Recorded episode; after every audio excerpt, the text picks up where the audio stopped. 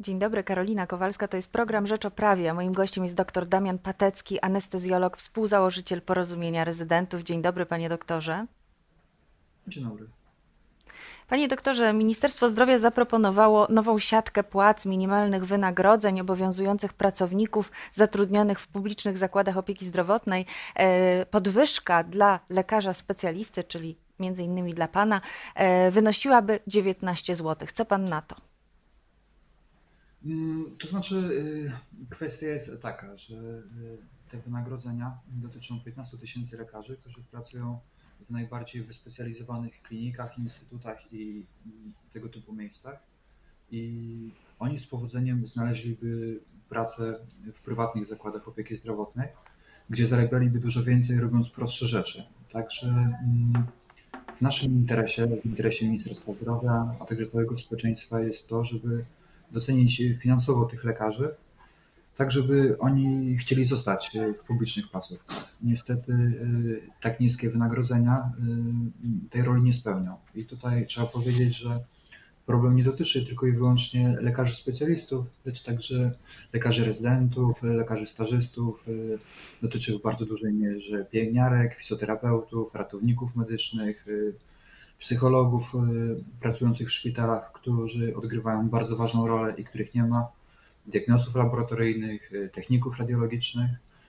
Tutaj należy pamiętać o tym, że mm, w szpitalu, y, pomimo tego, że lekarze spijają laury, na przykład kiedy się uda zrobić jakiś trudny zabieg, to na ten sukces pracuje cały zespół ludzi, cały sztab, łącznie z paniami salowymi, instrumentariuszkami, y, sanitariuszami, którzy na przykład zajmują się gipsowaniem.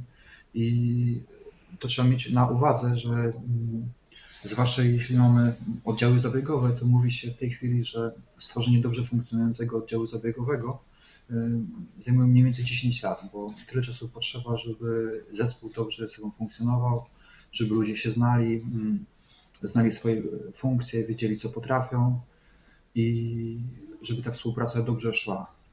My o tym w ogóle nie myślimy w zarządzaniu mm, placówkami ochrony zdrowia, o tym, że jeśli mamy dobrze funkcjonujący zespół, to że jest to bardzo duża wartość i że należy dbać o to, żeby ten zespół się nie rozpadł i żeby mm, nie było zbyt dużej rotacji, bo pewna rotacja kadr jest dobra, dlatego że prowadzi do wymiany doświadczeń i prowadzi do tego, że mm, ludzie dzielą się doświadczeniami, ale kiedy ona jest zbyt duża, to dochodzi do takiej sytuacji, w której w danym miejscu pracy nikt nikogo nie zna i to bardzo mocno utrudnia pracę, bo medycyna jest grą zespołową, taką, w której ważną rolę odgrywa zaufanie. Ta siatka płac zaproponowana przez Ministerstwo Zdrowia rzeczywiście nikogo nie, nie usatysfakcjonowała, nie zadowoliła również e, przedstawicieli zawodów, o których Pan mówił.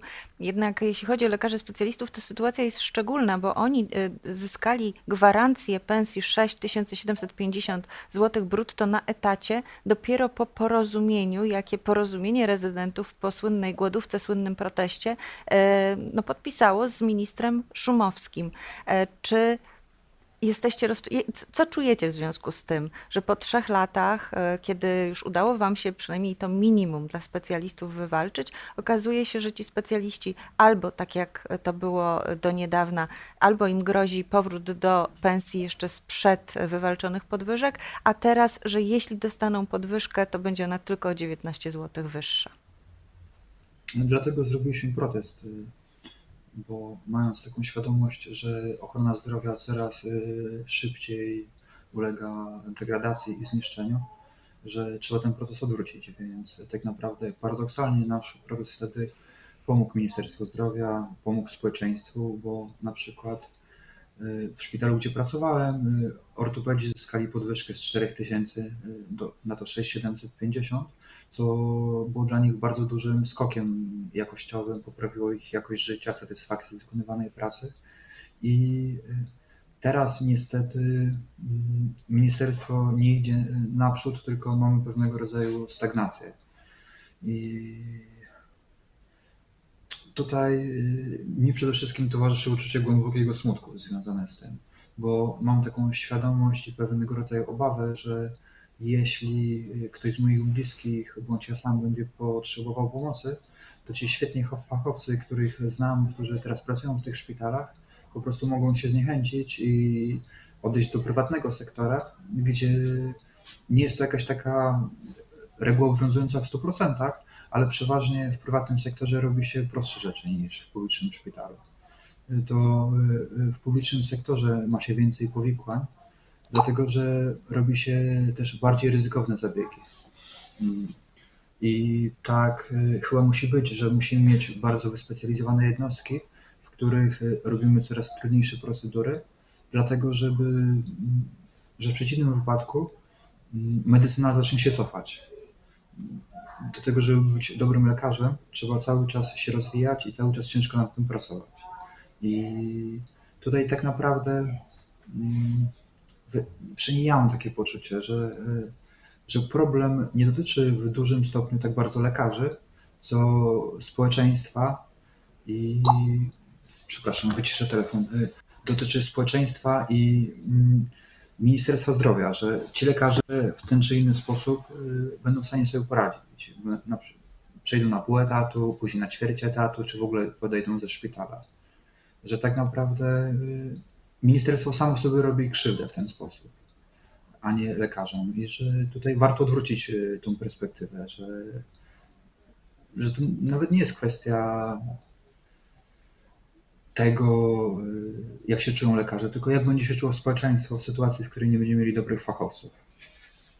Słyszy się, że po pandemii część lekarzy, pielęgniarek, część pracowników ochrony zdrowia albo przejdzie do e, sektora publicznego, albo całkowicie zrezygnuje z zawodu. Mówi się też o wyjazdach za granicę. E, to stawia e, tę sytuację w jeszcze gorszej perspektywie. To znaczy, część specjalistów odejdzie ze szpitali ze względu na zbyt niskie wynagrodzenia, a pozostali odejdą ze względu na uczucie wypalenia. I tutaj zmierzam do mojego pytania, czy rzeczywiście praca w pandemii jest tak obciążająca, że wielu z Pana kolegów zdecyduje się zrezygnować z zawodu, z pracy w sektorze publicznym, bądź też wyjechać za granicę? Znaczy, myślę, że to zależy. Ja bardzo podziwiam osoby, które pracują tylko i wyłącznie w covidowych szpitalach po 200-300 godzin. Dla mnie oni są prawdziwymi bohaterami i bardzo ich szanuję. Ja częściowo pracuję z covidowymi pacjentami, bo chyba fizycznie nie byłbym w stanie robić tego w tak dużym wymiarze. Niemniej jednak y, też mam takie poczucie, że chcę się włączyć do walki z epidemią i wykorzystywać swoje umiejętności. I wiem, jak bardzo jest to męczące i obciążające, że po kilku godzinach y, nieprzerwanej pracy w, kombinezonie y, bardzo ciężko jest wytrzymać to obciążenie fizyczne. I ja mam nadzieję, że kiedy skończy się pandemia, to ci ludzie odpoczną, e, nie wiem, może przydałby się dla nich jakiś urlop na poratowanie zdrowia, tak jak mają nauczyciele, i zechcą wrócić do pracy. Niemniej jednak e, widzę pewien problem związany z tym, co się stanie, kiedy zostaną odebrane dodatki covidowe. Bo wtedy ludzie mogą poczuć pewnego rodzaju demotywację, a też e, teraz coraz szerzej się mówi o takiej perspektywie, w której pandemia nigdy się nie skończy. Że ona będzie trwała w ten czy inny e, sposób, a czas będziemy mierzyć poprzez kolejne lockdowny. Że mm, będziemy musieli jakoś nauczyć się żyć w tej rzeczywistości. A ja właśnie chciałam prosić o jakieś e, optymistyczne prognozy. Jeśli chodzi o dodatki covidowe, już dzisiaj jest tak, że wielu lekarzy, pielęgniarek, ratowników skarży się, że są zgłaszani e, do NFZ-u, czy sami się zgłaszają, wpisują na listy w swoich szpitalach, bo muszą wpisać taki, w takie listy, żeby dostać ten dodatek covidowy, a te dodatki nie przychodzą. E, szpitale twierdzą, że to NFZ im tych dodatków nie wysyła. NFZ twierdzi, że dostaje niepełne listy. W niektórych szpitalach pracownicy dostają tylko część dodatku, podczas gdy powinni dostać 100% e, podstawy wynagrodzenia? Czy to już dziś nie zniechęca pracowników medycznych? Znaczy, na pewno. Niemniej jednak e, są takie miejsca, w których e, można się dogadać z dyrekcją. Uważam, że to jest bardzo mocno taka ludzka kwestia i e, czasami dyrektorzy zmieniają zdanie, że sam tego też doświadczyłem i za to jestem wdzięczny, że po prostu wymiana argumentów, wymiana pism i dyrektor mówi ok, w porządku racja jest po waszej stronie. Tylko, że niewiele osób jest w stanie to zrobić ja chciałem wyrazić wyrazy szacunku na przykład dla tego dyrektora, który wpisał 140 pracowników na listę personelu SORO, co zresztą mogło być zgodne z prawdą, dlatego że mm, to jest tak, że SORy funkcjonują w ten sposób, że często lekarze z oddziałów pielęgniarki schodzą konsultować pacjenta, schodzą udzielać porad i w tym multidyscyplinarnym procesie, w który jest zaangażowany wielu fachowców, zwłaszcza w dużych szpitalach, no to ci lekarze też zakładają kombinezony, narażają się i ryzykują. I tak naprawdę trudno pomyśleć o jakimś y, pracowniku ochrony zdrowia, który nie miałby kontaktu y, z wirusem. To, co nas martwi teraz, to kwestia tego, że nie wszyscy lekarze zostali zaszczepieni. I na tym się zastanawialiśmy pod kątem egzaminów ustnych, y, które mają się odbywać. Bo wydawało się, że do marca wszyscy zostaniemy zaszczepieni i nie będzie tak jakby argumentu za tym, żeby te ustne odwołać. No, minister powie, ok, wszyscy macie szczepienia, no, jakieś tam ryzyko istnieje, ale pewnie jest minimalne. Ale tutaj jednak y, nie doszło do tej sytuacji. Dlatego uważam, że dla bezpieczeństwa zarówno lekarzy, ale też chyba bardziej egzaminujących je profesorów y, należałoby te ustne ponownie odwołać. Dlatego, że o ile zdające są relatywnie młodymi ludźmi, to zazwyczaj osoby egzaminujące są trochę w starszym wieku i to są bardzo doświadczeni, dobrze fachowcy. Uważam, że narażanie ich w obecnej sytuacji jest y, niepotrzebne, że mamy coś w rodzaju teraz stanu nadzwyczajnego, w którym powinniśmy sięgać po nadzwyczajne rozwiązania, zamiast y, trzymać się ściśle litery prawa i obawiać się, że jeśli odwołamy ustny, to że będziemy mieli gorszego specjalistę. To zagrożenie jest nieuzasadnione i że biorąc pod uwagę to obciążenie, jakie, y, jakiemu jesteśmy poddawani, to tak naprawdę ludziom powinno dawać się medale za to, co robią, że nie przychodzą do pracy i że się nie boją. Z tego, co Pan mówi, to jesteśmy dokładnie w tym samym miejscu, w którym byliśmy rok temu. E, również była kwestia odwołania egzaminów ustnych, e, również personel medyczny nie był pewny swojej sytuacji. Tymczasem porozumienie rezydentów, które Pan współzakładał, zapowiada, że w takiej sytuacji nie ma wyjścia i należy zorganizować kolejny protest. Jakie są perspektywy? Czy rzeczywiście mamy się obawiać, że lekarze odejdą od łóżek? Okej, okay, to jest bardzo skomplikowana kwestia i ja mogę tylko powiedzieć ze swojego doświadczenia, że przygotowanie dobrego protestu y, zajmuje dużo czasu. I w, y, optymalnie dobrze jest znaleźć taką formułę, która nie zagrozi pacjentów, jak na przykład protest głodowy. Z tym, że problem jest taki, że te wszystkie formuły, po które sięgaliśmy, albo były trochę nieskuteczne, albo wydają się już być nie do powtórzenia, dlatego że zrobiliśmy w zasadzie wszystko, co można. Z tym pytaniem dotyczącym obaw. Trudno powiedzieć. Ja mogę powiedzieć tak optymistycznie, że ja generalnie zawsze wierzę w to, że do protestu nie dojdzie, że uda się porozumieć i